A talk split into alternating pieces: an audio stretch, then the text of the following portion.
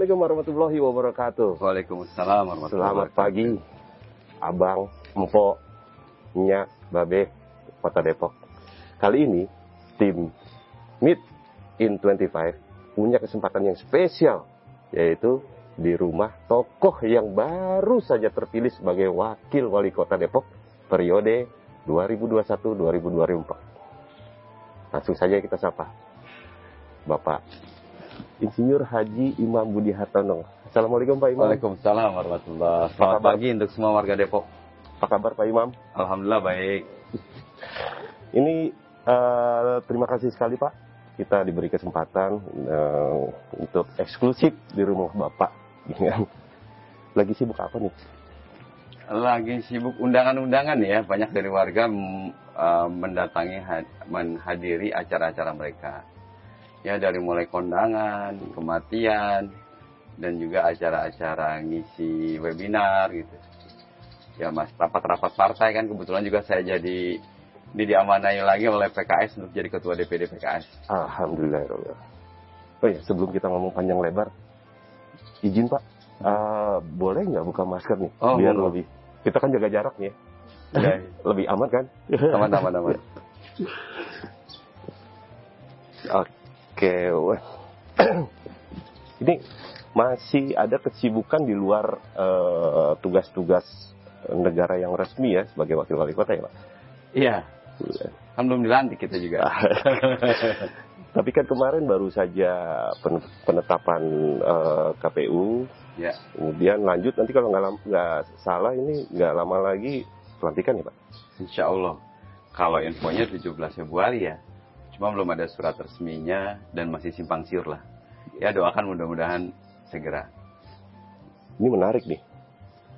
Boleh nggak Pak cerita bagaimana sih perjalanan Bapak dari masa sekolah kemudian ya buat inspirasi lah warga-warga Bapak sekarang kan kita sudah jadi wakil wali kota nih ya Mhm. inspirasi sampai jadi wakil wali kota atau nanti eh, ada harapan apa sih ke depan Iya, jadi kalau untuk warga Depok mudah-mudahan kemarin waktu pilkada sedikit banyak sudah mengenal sosok saya ya.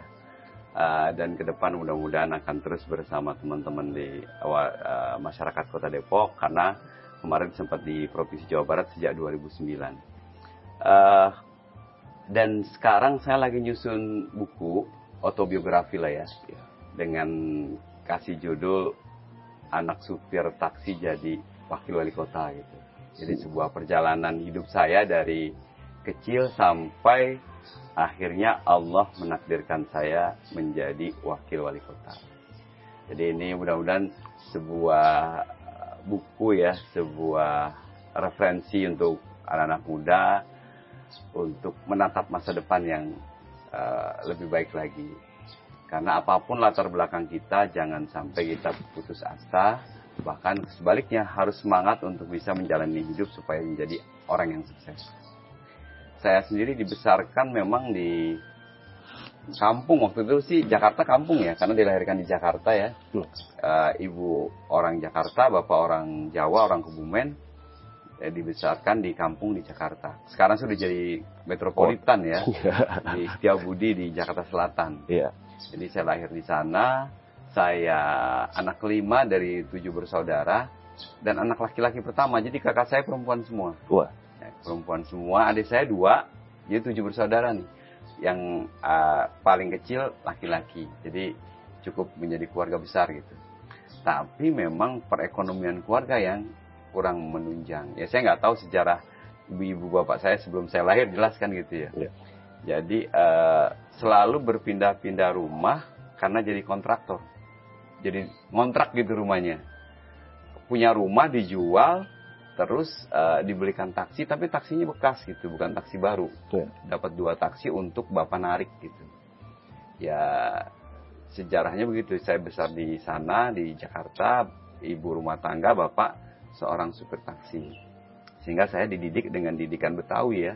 Orang Betawi kan harus eh, bisa sholat, bisa ngaji, jago silat kan gitu. Ibarat kata si pitung, si pitungan gitu ya. Si pitung tuh gambaran anak laki-laki Betawi sebenarnya. Iya. Dia taat ibadahnya, bisa ngaji, tapi jago silatnya, ngebela rakyat untuk uh, kepentingan melawan company kan. Jadi itu yang yang secara umum uh, bahwa kehidupan sebagai anak Betawi ya sama seperti yang lainnya. Cuman yang menarik memang dari keluarga ya bisa dibilang miskin gitu ya, keluarga ya nggak punya rumah juga enggak gitu. Dan sekarang Allah takdirkan jadi pejabat. Sejak Alhamdulillah. tahun 99 saya jadi anggota DPRD Kota Depok, dua periode, lalu eh, tiga periode di DPRD Provinsi Jawa Barat. Jadi eh, itu sekilas tentang singkatnya ya. Ya. Tapi nanti kita bisa detailkan mana yang bisa menjadi daya tarik nih bagi teman-teman kalau nanti baca buku saya. Karena ada hal-hal yang unik juga di perjalanan eh, hidup saya yang mudah-mudahan juga menjadi eh, suri toladan ataupun contoh untuk bisa menggapai masa depan yang lebih baik lagi. Amin, Alhamdulillah. Eh, tadi menarik banget ya Bapak cerita eh, seorang anak eh, supir taksi Hmm. ya, sekolah di Jakarta. Kalau nggak salah nih sekolah yang Bapak ini alma mater dari sekolah yang favorit tuh Alhamdulillah. di lingkungan yang wah, dulu kita kenal dengan borju ya. Ah, iya betul. Itu gimana Pak rasanya? Pada, apakah pada saat Bapak sekolah di situ Hmm. juga masih eh, ayahanda dulu ya? Iya, masih seorang supir taksi. iya, iya. Ini kan ini supaya untuk motivasi lah putra putri warga bapak ya Hmm. kota Depok ya. Eh, mungkin yang dulu kita kenal ya istilah elit ya dalam kondisi keluarga yang Hmm. ekonomi sulit, Hmm. tapi terus harus eh, eh, bapak sebagai inspirasi harus tetap bersemangat Hmm. dan bisa berkarir dan hidup lebih baik. Iya, memang sejak kecil saya dididik keras oleh ibu saya maupun orang tua saya ya. Ya. Dari sisi agama maupun dari sisi uh, perjuangan hidup. Jadi dibiasakan dengan makan cuman pakai nasi gitu ya. Kalaupun agak mewah ada telur ceplok atau telur dadar, satu telur uh, dibagi empat, itu empat makannya itu gitu kalau nggak ada lauk ya udah terpaksa harus makan pakai garam gitu. Jadi itu hal yang biasa di kehidupan saya dalam waktu kecil itu. Ya dan dan SD saya tuh SD Muhammadiyah 12 itu dari rumah mungkin sekitar 4 kilo kali ya. Jadi harus jalan kaki memang. Dulu sih kalau 4 kilo 5 kilo sangat sangat apa? Sangat nggak terlalu jauh sebenarnya. Mudah gitu dihitung. Kalau sekarang kan berasa banget Ya. saya jalan dari sini ke Pemda gitu, dari GDC ke Pemda kerasa jauh gitu. Kalau dulu sekolah saya gitu dari sini sampai ke Pemda, biasa tiap hari bolak-balik jalan kaki aja untuk sekolah.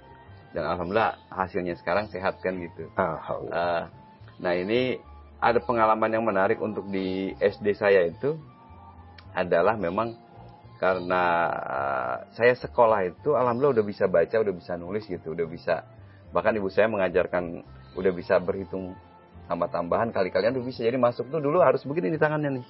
Tahu zamannya teman-teman yang sekarang mau begini nggak ya? Karena mungkin dulu belum ada Belum belum ada. ada akte kelahiran ya. Jadi nggak kelihatan. Sehingga kalau belum nyampe ini sama sama sekolahnya nggak boleh nggak boleh sekolah gitu. Jadi harus pegang kuping. Eh, Nah, untuk SD tuh supaya teman-teman tahu dulu jadulnya tuh gitu. Untuk melihat bahwa dia usianya 7 tahun itu tangannya nyampe ke kuping. Nah, yang kedua yang menarik di sekolah saya itu ada orang gila, Bang.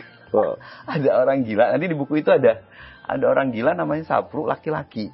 Terkadang pakai baju, terkadang nggak pakai baju, bahkan nggak baju nggak pakai baju sama sekali. Gitu telanjang bulat lah istilahnya, maaf telanjang bulat. Anak-anak sekolah di karena saya di gang sekolahnya ya. Ini menjadi seru gitu ketika dia datang ada anak lagi kumpul tuh bubar lari, uh, lari gitu. Ya, Jadi kalau ada dia tuh kita diludahin gitu, cuy gitu. Kita kan takut kalau diludahin orang gitu lari jadinya gitu. Lagi jajan apa ada dia lari semua masuk ke dalam ke apa ke ke kelas ke, ke sekolah. Nah yang unik lagi adalah kalau saya pas mau masuk sekolah. Jadi saya jalan dari rumah tuh udah capek 4 kilo gitu ya. Eh, lewat gang sebelum sekolah ada dia. Jadi saya harus mencari jalan lain tuh, cari gang lain supaya nggak ngelewatin ada dia di situ. Karena saking takutnya orang pakai udah udah mandi gitu kan ya, ya. udah mandi, udah pakai baju bagus, diludahin kan ini Nora juga kan gitu. ya itu kisah-kisah yang agak unik juga sebenarnya di perjalanan hidup saya itu. Setiap hari pasti berjuang begitu. Berjuang bagaimana nggak ketemu dia. Karena rumah dia deket banget sama sekolah. Ya kalau masih kalau dia pakai baju masih mending ya. Kalau nggak pakai baju kan kita juga ngeri gitu. Ada hal itu untuk SD ya. Nah SD saya masih di Setiabudi rumahnya.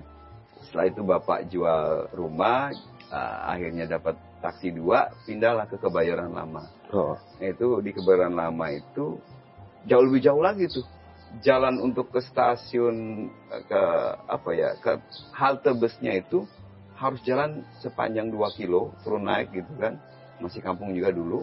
Udah gitu naik bus bus PPD namanya dulu. Sekarang udah nggak ada. PPD itu pengangkutan penumpang Jakarta. Karena D-nya itu Jakarta tuh tulisannya DJ dulu. Ya. Jadi PPD. Jakarta. Nah itu sebagai seorang anak kecil ya, usia SMP segimana sih kecil gitu.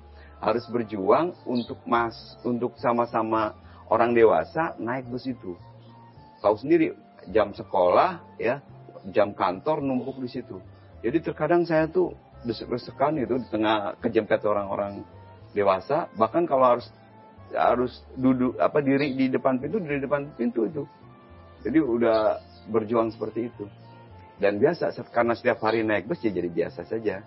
Dan temannya saya tuh banyak copet. Jadi kalau udah naik bis PPD itu mungkin teman-teman yang orang-orang jadul nih ya, yang seangkatan saya itu kalau naik bus itu pasti udah uh, pasti ada copet di situ. Dan dia bagus kerjanya itu perlu ditiru juga. Maksudnya ditiru dalam, dalam ini kekompakannya ya, dalam kerjasamanya itu. Jadi kalau ada naik itu nggak satu orang dia, dua atau tiga orang. Mungkin sekarang yang naik uh, kereta mungkin gitu juga kali ya. Diskusikan pasti ada copet.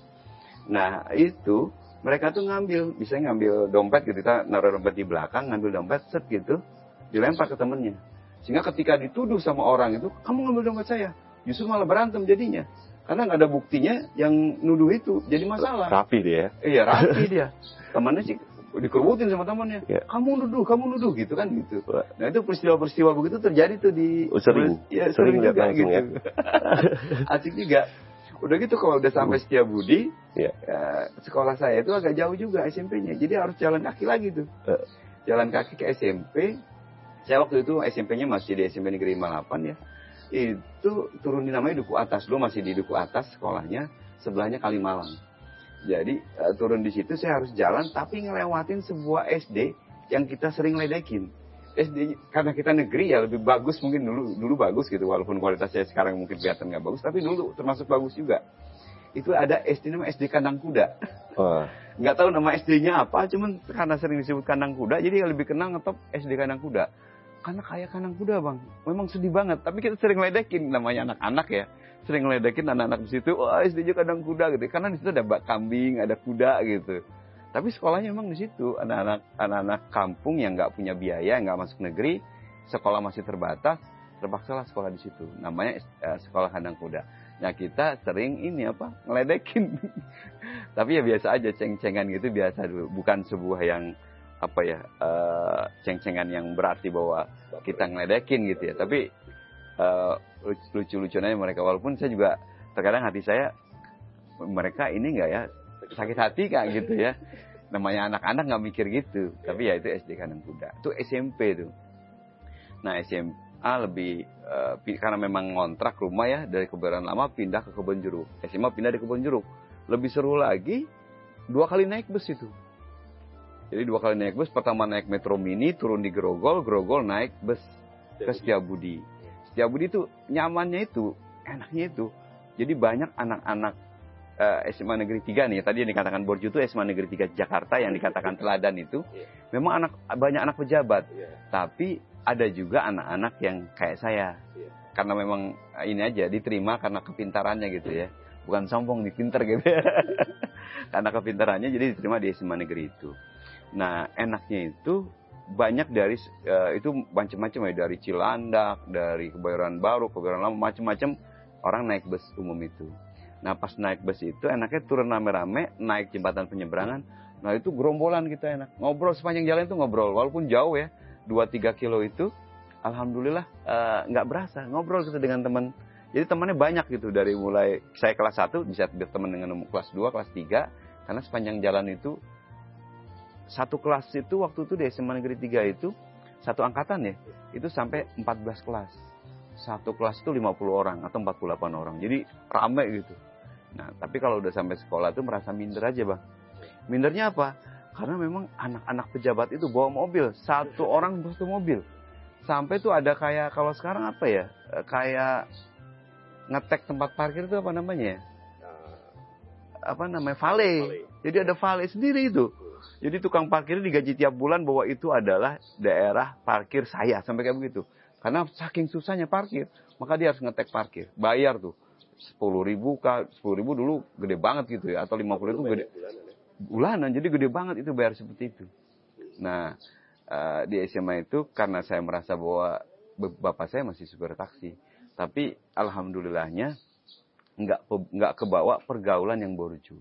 Jadi kalau di sekolah di sana salah pergaulan, bisa jadi masalah tuh gitu karena memang biasa orang-orang uh, apa ya orang-orang top gitu ya orang-orang anak-anak pejabat gaulnya yang uh, apa ya uh, mungkin punya punya sebuah pergaulan yang terbiasa di lingkungannya gitu ya have lah gitu ya ya biasa memang mungkin di rumahnya juga dilayani sehingga mereka kalau di sekolah tuh ada yang pilih-pilih teman gitu ya tapi ada juga yang enggak. Tapi ada juga enggak. Kayak teman saya itu anak anggota DPR RI pada waktu itu. Kayak sahabat saya itu anggota, anak anggota DPR RI, bawa mobil juga dia. Ada juga yang anggota uh, anak dari uh, pejabat di DPR sebagai DPR RI-nya juga, sekretariatnya, sekretariatannya. Kan pejabat juga waktu itu di situ. Nah, kalau saya mah biasa aja jalan kaki. Tapi menjadi tidak minder karena memang intelek kita apa kapasitas uh, otak kita bisa ngimbangin. Nah repot kalau kita kapasitas otak kita nggak nyampe pas-pasan bergaul di tempat itu semakin minder itu. Sehingga pergaulan di kelas alhamdulillah jadi cair gitu. Ketika kita punya punya kepintaran, mereka menghargai kita. Bahkan sekarang kalau kita bikin PR gitu kan, ya mereka nyontek ke kita gitu. Pagi-pagi datang gitu nyontek gitu. Atau kalau ada tugas gambar, bagi saya gambar yang nggak bagus saya buang tapi diambil mereka sebagai tugas mereka gitu jadi unik juga uh, di SMA itu banyak banget kisah eh, kisah-kisah yang menarik di SMA sebenarnya karena kita sudah agak apa ya udah agak gede gitu ya udah udah inilah udah dewasa gitu. Separuh dewasa lah ya. Kalau kuliah kan dewasa. Jadi masa-masa yang paling indah bagi saya memang masa-masa SMA kalau kalau kata lagu seperti itu bener banget gitu. Karena memang benar waktu waktu masa-masa SMA itu masa-masa yang bagus, masa-masa yang indah lah.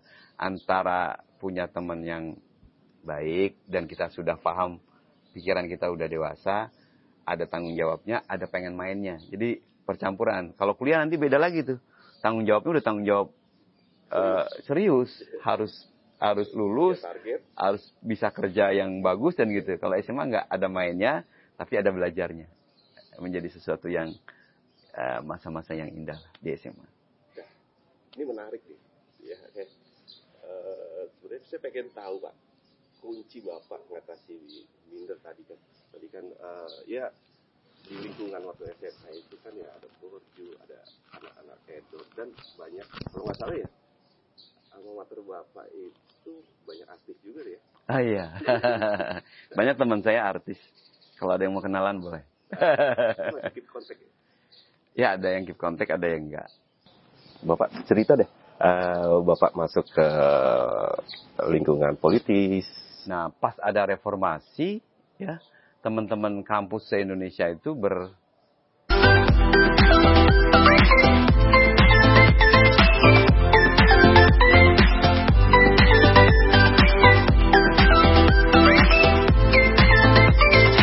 sekarang lanjut Bapak cerita deh uh, Bapak masuk ke lingkungan politis sampai akhirnya jadi wakil wali kota.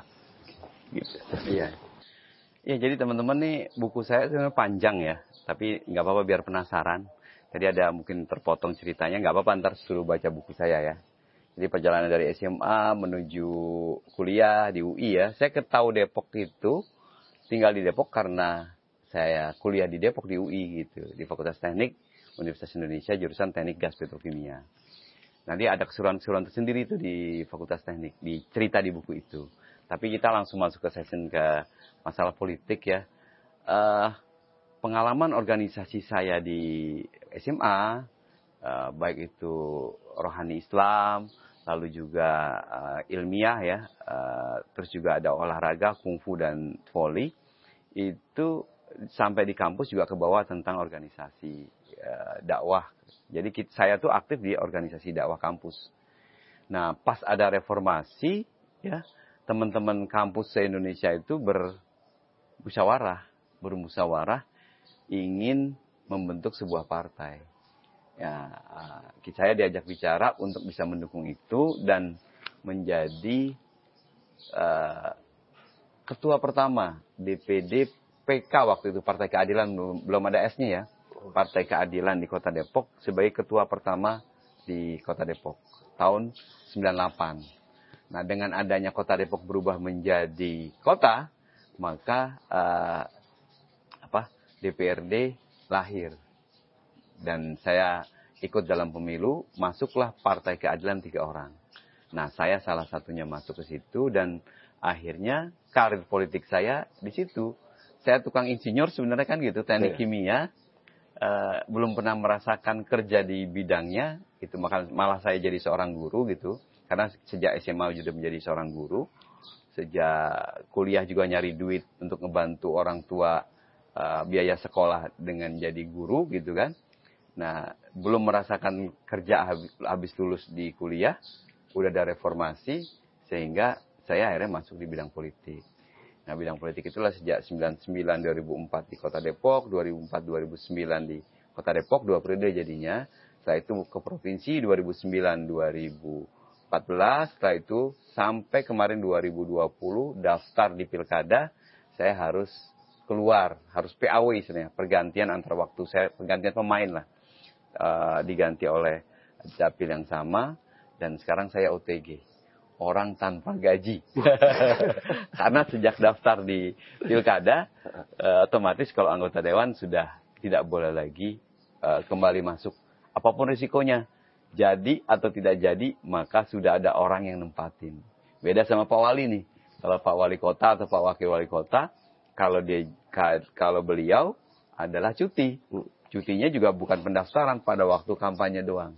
Yeah. Pada waktu kampanye mereka cuti, beliau cuti tiga minggu, setelah itu bisa masuk lagi. Gitu. Beda sama kita, resikonya memang udah nggak punya kerjaan. gitu ceritanya. Untuk masalah di Jadi, uh, politik ya. Mudah-mudahan nih teman-teman nanti baca lagi bukunya perjalanan saya politik saya di Depok, di PRD Depok serunya seperti apa, di provinsi serunya seperti apa, uh, bisa dibaca di buku saya itu. Ya kebetulan pula partai uh, di antara tahun 99 anggota dewan yang terus berkarir di bidang politik itu tiga orang bang. Ya. Jadi tiga orang pertama adalah saya ya berkarir dari Depok terus ke provinsi. Setelah itu diikutin Pak Hasbullah. E, 2009 Pak Hasbullah nggak masuk. Akhirnya 2014 beliau masuk masuk ke provinsi dan bareng kemarin saya ketua komisi 4 di, di bidang infrastruktur, bidang pembangunan, beliau anggotanya. Beliau sebagai ketua Dewan Kehormatan Pak Hasbullah. Jadi sama-sama punya jabatan tuh. Yang satu lagi adalah Pak Mazhab, ya. Profesor Mazhab dari P3. Nah ini dari dulu Kabupaten Bogor sampai sekarang masih menjabat. Mungkin enam periode kali ya. Kalau oh. saya kan baru lima periode ya. Dua periode di, di kota, tiga periode di provinsi. Kalau beliau tuh satu periode di Kabupaten Bogor, lima periode di Kota Depok. Jadilah enam periode nih Profesor Mazhab. Keren banget. Jadi tiga orang ini yang karir politiknya terus uh, ada di politik. Nah, sekarang dari tiga orang ini yang beranjak ke eksekutif, nah saya nih, ya. jadi wakilnya Pak Kiai Muhammad Idris. Itu kira-kira perjalanan saya ke politik. Nah, tentang keseruannya mau dilanjutkan bagaimana keseruan di pilkada? Boleh, Pak. Boleh ya? Ya, penasaran sih. Kenapa sih kok mau ah. jadi wakil wali kota?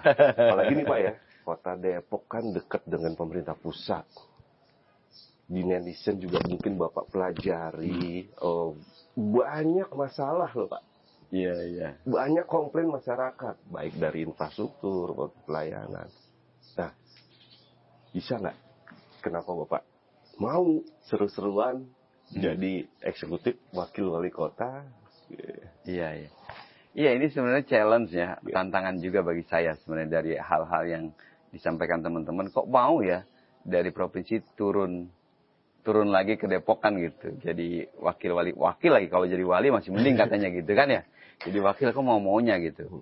Ya pertama sih memang saya lihat bahwa uh, Depok adalah uh, kota saya sejak saya uh, apa uh, Hijrah. kuliah di UI Oh, iya. ya. Jadi kota saya uh, sehingga saya pengen supaya kota ini bisa uh, bagus, keluarga saya nyaman gitu ya, uh, ke mana-mana gampang, infrastrukturnya bagus, punya pemikiran sederhana saja. Mungkin juga sebagian warga Depok berpendapat begitu. Ya masa sih sebagai penikmat saja, boleh dong sebagai pejuang kan gitu.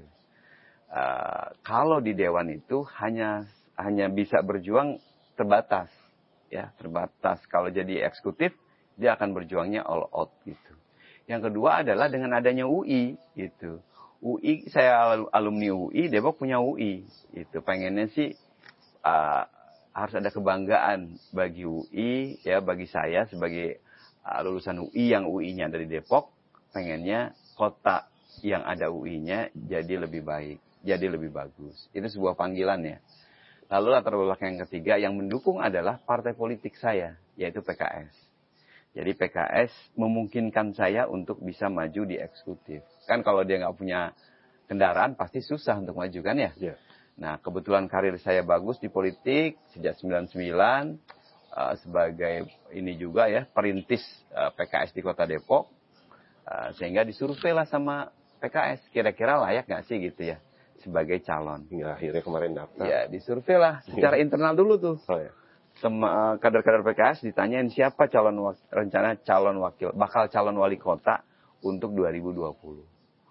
Survei banyak nama tokoh-tokoh Depok kan banyak PKS sehingga saya masuk ke dalam lima besar. Nah, jadi masuk lima besar eh, kan di- udah disebutkan di publik saya Pak Hafid ketua DPD ya Bu Farida anggota DPRD Pak Ustadz Suparyono anggota DPRD dan satu lagi Pak Amri. Jadi ada lima orang nih yang terjaring lima orang. Dari dari lima orang ini dikerucutkan di dipublish kira-kira disurvei lagi siapa yang suara terbanyak. Dari lima ini dikerucutkan dua hilang.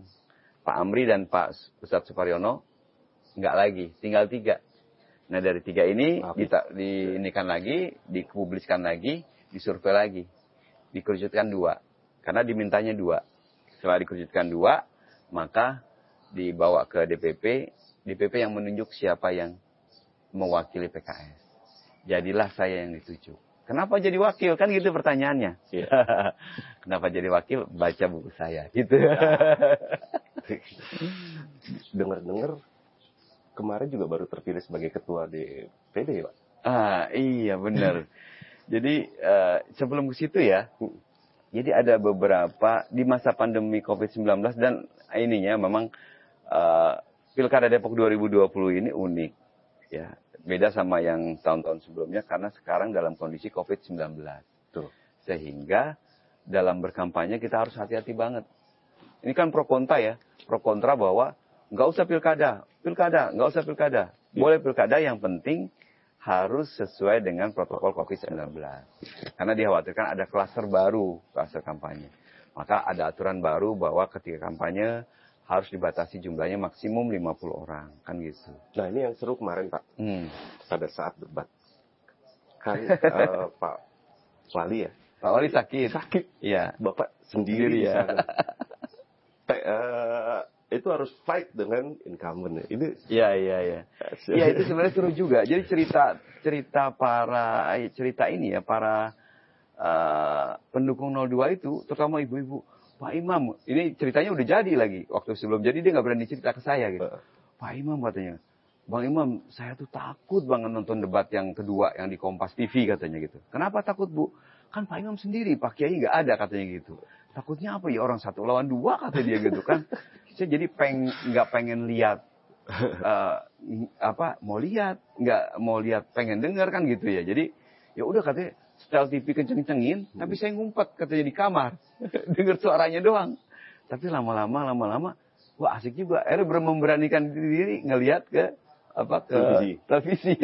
Jadi banyak begitu. Itu udah semua pendukung tuh deg-degan juga. Eh, Pak Kiai nggak ada, Pak Imam sendiri gitu kan, dibantai ini bisa-bisa gitu. Betul. Tapi alhamdulillah berkat doa semua pendukung ya, saya bisa uh, bisa menunjukkan, uh, bisa menjawab segala pertanyaan-pertanyaan dari uh, uh, dari panelis yeah. maupun dari uh, Bang Pradi dan Bu Afifah kan gitu ya. Yeah. Itu memang agak ada keseruan tersendiri dan tahu nggak? Itu saya di briefing satu hari penuh jadi mohon maaf nih kalau pada hari sebelum satu hari Kompas TV, WA, ya media sosial itu saya nggak jawab. Ini baru sekarang saya buka. Karena saya di briefing habis oleh tim konten untuk menjawab pertanyaan-pertanyaan, tema-tema yang diberikan oleh uh, stasiun TV melalui panelis gitu. Jadi saya di briefing tuh tentang uh, eh, IPMK, tentang penanganan COVID kah, tentang sampah, tentang uh, ruang terbuka hijau. Itu karena saya udah lama ya nggak di Depok kan saya frame-nya frame Jawa Barat bukan frame Depok. Sehingga kalau ada masalah-masalah Depok belum tentu saya tahu. Maka di briefing lah sama tim konten. Tim konten. Awalnya biasanya kalau saya dengan Pak Kiai ini supaya teman-teman tahu. Misalkan ada delapan tema yang ada di debat. Kita bagi Pak Kiai lima, saya tiga.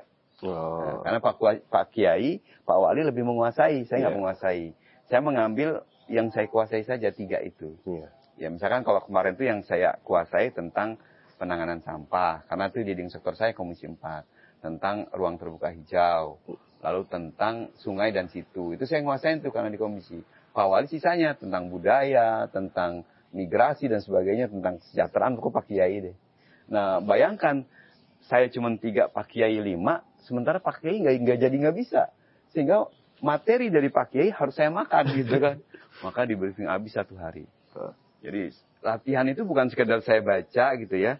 Saya itu dites itu. Jadi bagaimana kita sebelum tampil itu sudah di panelis sama teman-teman tim konten. Jadi kita matang gitu. Tapi alhamdulillah karena di acara tersebut boleh bawa contekan, boleh bawa apa sih materinya, sehingga kita ada ada Acuan. acuannya harus ngomong apa. Nah, alhamdulillah di situ terjadi apa ya terjadi dialog antara saya dengan tim konten bagaimana saya harus tampil di evaluasi yang sebelum itu banyak evaluasi ke saya. Pak Kiai udah mantep yang kurang mantep Pak Wakilnya. Eh, dievaluasi jadi harus berubah cara ngomongnya. Jangan begini-begini terus gitu. Ada yang begitu tuh. Seru juga tuh. Jadi Pak Imam jangan kebanyakan gini gitu.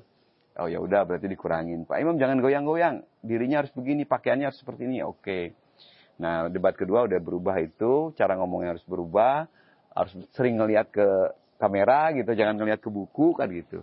Terus juga saya tawarkan tentang media yang harus saya bawa. Kan saya bawa waktu itu bawa alpukat sama uh, belimbing. Nah, sama satu lagi adalah buah atap. Itu saya tampilkan cukup menarik. Alhamdulillah uh, bisa masalah UMKM bisa kita munculkan produk-produk UMKM Depok yang bisa dan urban farming yang kita bisa munculkan bahwa Depok punya potensi. Warga Depok jadi bangga dengan kotanya. Ya, seperti apa dalam pikiran saya sebagai anak teknik gitu ya. Mudah-mudahan uh, Margonda yang selama ini kurang bagus kita bagusi.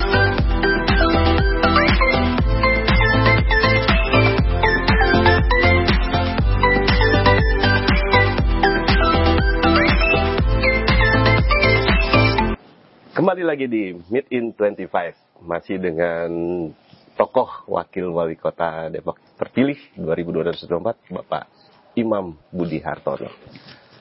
Pak Imam, hmm. tadi kita terputus sampai cerita Bapak eh, fase-fase uh, yang seru dalam uh, debat kesendirian Bapak setelah Bapak wali kota uh, sempat sakit. Ya. Uh, terus Pak, uh, rencana ke depan Pak mungkin bisa disampaikan ke pemirsa 100 hari Bapak setelah pelantikan, insya Allah lah mungkin nanti tanggal 17 kalau tidak ada halangan Bapak akan dilantik ya. Insya Allah. Ya, mungkin 100 hari ke depan apa yang Bapak uh, langsung kerjakan ya, menghadapi menyelesaikan PR-PR masalah-masalah yang belum diselesaikan. Iya, uh, jadi memang ini sebuah uh, challenge ya atau uh, tantangan bagi pasangan Idris Imam ke depan. walaupun kami belum ada pertemuan ya, belum ada pertemuan tentang uh, 100 hari mau gimana. Oh. Apakah memang ada atau tidak? Oh, belum ada. Belum, belum ada pertemuan dengan Pak oh. Yai. Tapi kami akan melakukan beberapa kegiatan lah yang mudah-mudahan uh, bisa uh, kami informasikan ke warga. Uh, Idris Imam ini berkomitmen memang untuk melaksanakan janji-janji kampanye yang 10 program janji kampanye itu. Jadi uh, walaupun perlu proses ya, ini perlu masyarakat ketahui bahwa proses dari janji kampanye ini nggak bisa pada waktu dilantik langsung berjalan, nggak bisa. Tuh. Karena dia ada proses hukumnya, proses peraturannya. Kalau apalagi sekarang belum dilantik, banyak yang sudah nanyain tuh. Saya kan belum dapat KDS gitu ya, yeah. saya belum dapat ini dan itu. Memang saya belum dilantik. Kedua, ketika nanti dilantik ada proses, proses kenegaraan, proses peraturan perundang-undangan bahwa untuk melaksanakan program janji kampanye yang 10 program itu harus masuk ke dalam peraturan daerah yang namanya RPJMD. Rencana Pembangunan Jangka Menengah. Ketika memang itu sudah masuk, maka nanti akan ada turunan namanya kebijakan anggaran APBD. Maka kuah PPAS yang ada di di 2021 yang sedang kita musrenbang dengan dinas-dinas diharapkan uh, mudah-mudahan sudah ada satu dua item dari janji kampanye itu yang sudah bisa dilaksanakan. Walaupun di tahun 2021 ini ada beberapa yang kita coba bisa laksanakan tanpa APBD atau dengan memang sudah ada dianggarkan sebelumnya uh, yang masuk ke dalam janji kampanye kita. Jadi mudah-mudahan KDS, Kartu Depok Sejahtera, 5.000 pengusaha baru, terus juga pusat olahraga di tiap kecamatan, itu sudah mulai kita garap gitu supaya uh, janji ini bisa terlaksana sampai waktu yang sudah disepakati oleh pemerintah tentang masa jabatan kami. Apakah 2021-2026 atau dikat jadi 2021-2024 ini belum belum belum, belum ada, ada keputusan. keputusan. Tapi ya kami anggap bahwa ini adalah 2001-2026 hmm. karena memang lima tahun masa jabatannya yeah. gitu.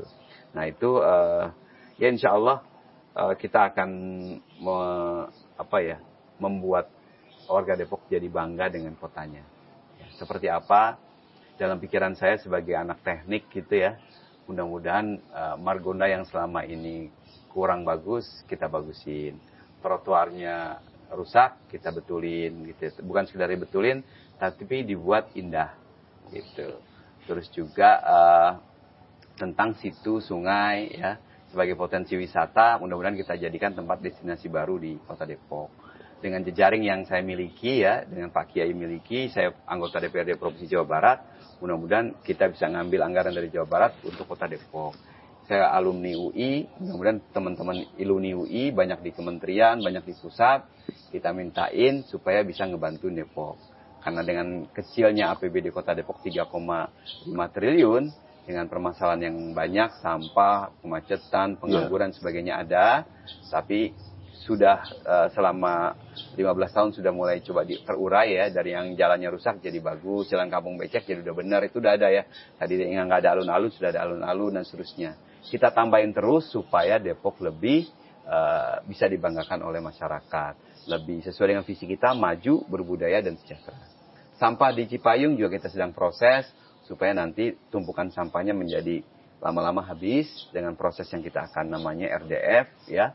Ah, begitu juga di hulunya ya kita akan pemberdayaan bank sampah, pemberdayaan RTEW untuk memilah sampah, sampah anorganik, sampah plastik kita akan yang selama ini sudah dimanfaatkan sebagai uh, barang ekonomis ya, dijual, tapi an, yang organiknya belum kita akan proses, kita akan jadikan juga itu uh, barang ekonomis juga sehingga sampah bukan musibah nanti di zamannya Idris Imam, sampah adalah berkah karena orang akan berebutan sampah untuk bisa mengambilnya karena bisa dijual.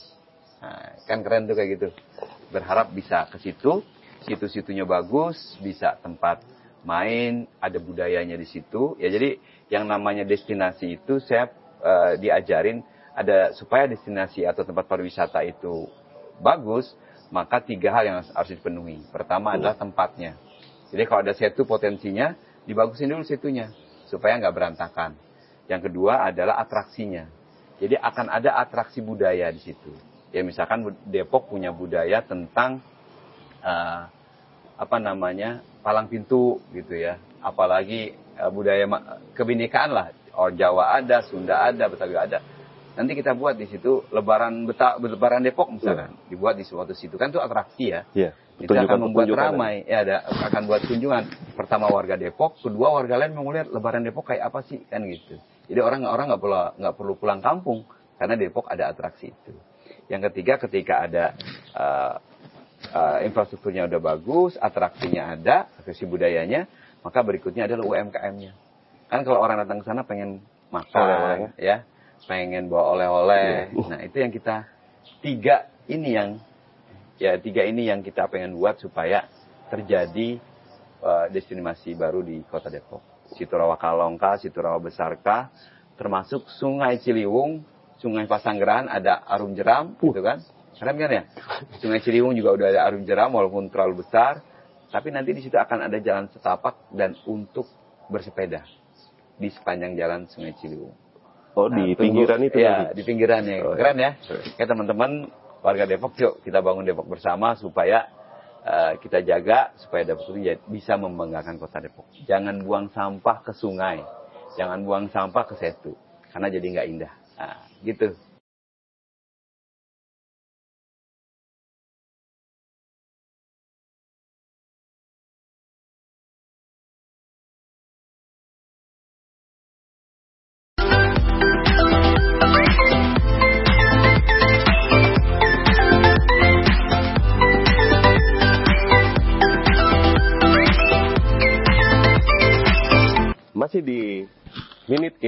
25. Pak Wakil, Siap. ini masuk ke segmen terakhir, Pak. Kita ada tantangan buat Bapak nih. Monggo, monggo. Eh, tantangannya, ini kan kita dapat sponsor ya. Apa sih eh, pemirsa mungkin perlu eh, tahu ya, apa yang di meja depan kami ini adalah produk-produk UMKM asli Kota Depok. Jadi ini bentuknya ada cireng, eh, kemudian ada jamu, ya. dan nih yang menarik lagi musim ikan cupang, cupang hias. Ini punya Pak Wakil, ada di sini semua. Nah, kita kasih tantangan selama 25 detik. Kita namanya eh, program ini lah Minute in 25 atau 25 menit. Tantangannya juga serba 25, Pak. Jadi 25 25 detik detik, gitu. untuk mengendorse eh, produk-produk yang ada di Kota Depok. Monggo, Pak. Ya, Dari yang mana nih? Dari ikan cupang atau apa? Nggak usah, ikan cupangnya. Bo, Oh, boleh dibahas. Oke. Nah. Boleh mulai? boleh. Eh, Ya, eh, ini ada ikan cupang serit ya. Eh, punya saya sebenarnya. Saya juga ada beberapa ikan cupang. Coba mendalami. Ya, ini sangat bagus punya produk eh, Kota Depok ya, anak-anak ikan cupang supaya ayo kita sama-sama eh, dagang ikan cupang supaya seru seru-seruan dan bisa menjadi kebanggaan Kota Depok. Kemudian yang Ini ya. Oke. Warga Depok, saya punya empon-empon Mbak Riris ini.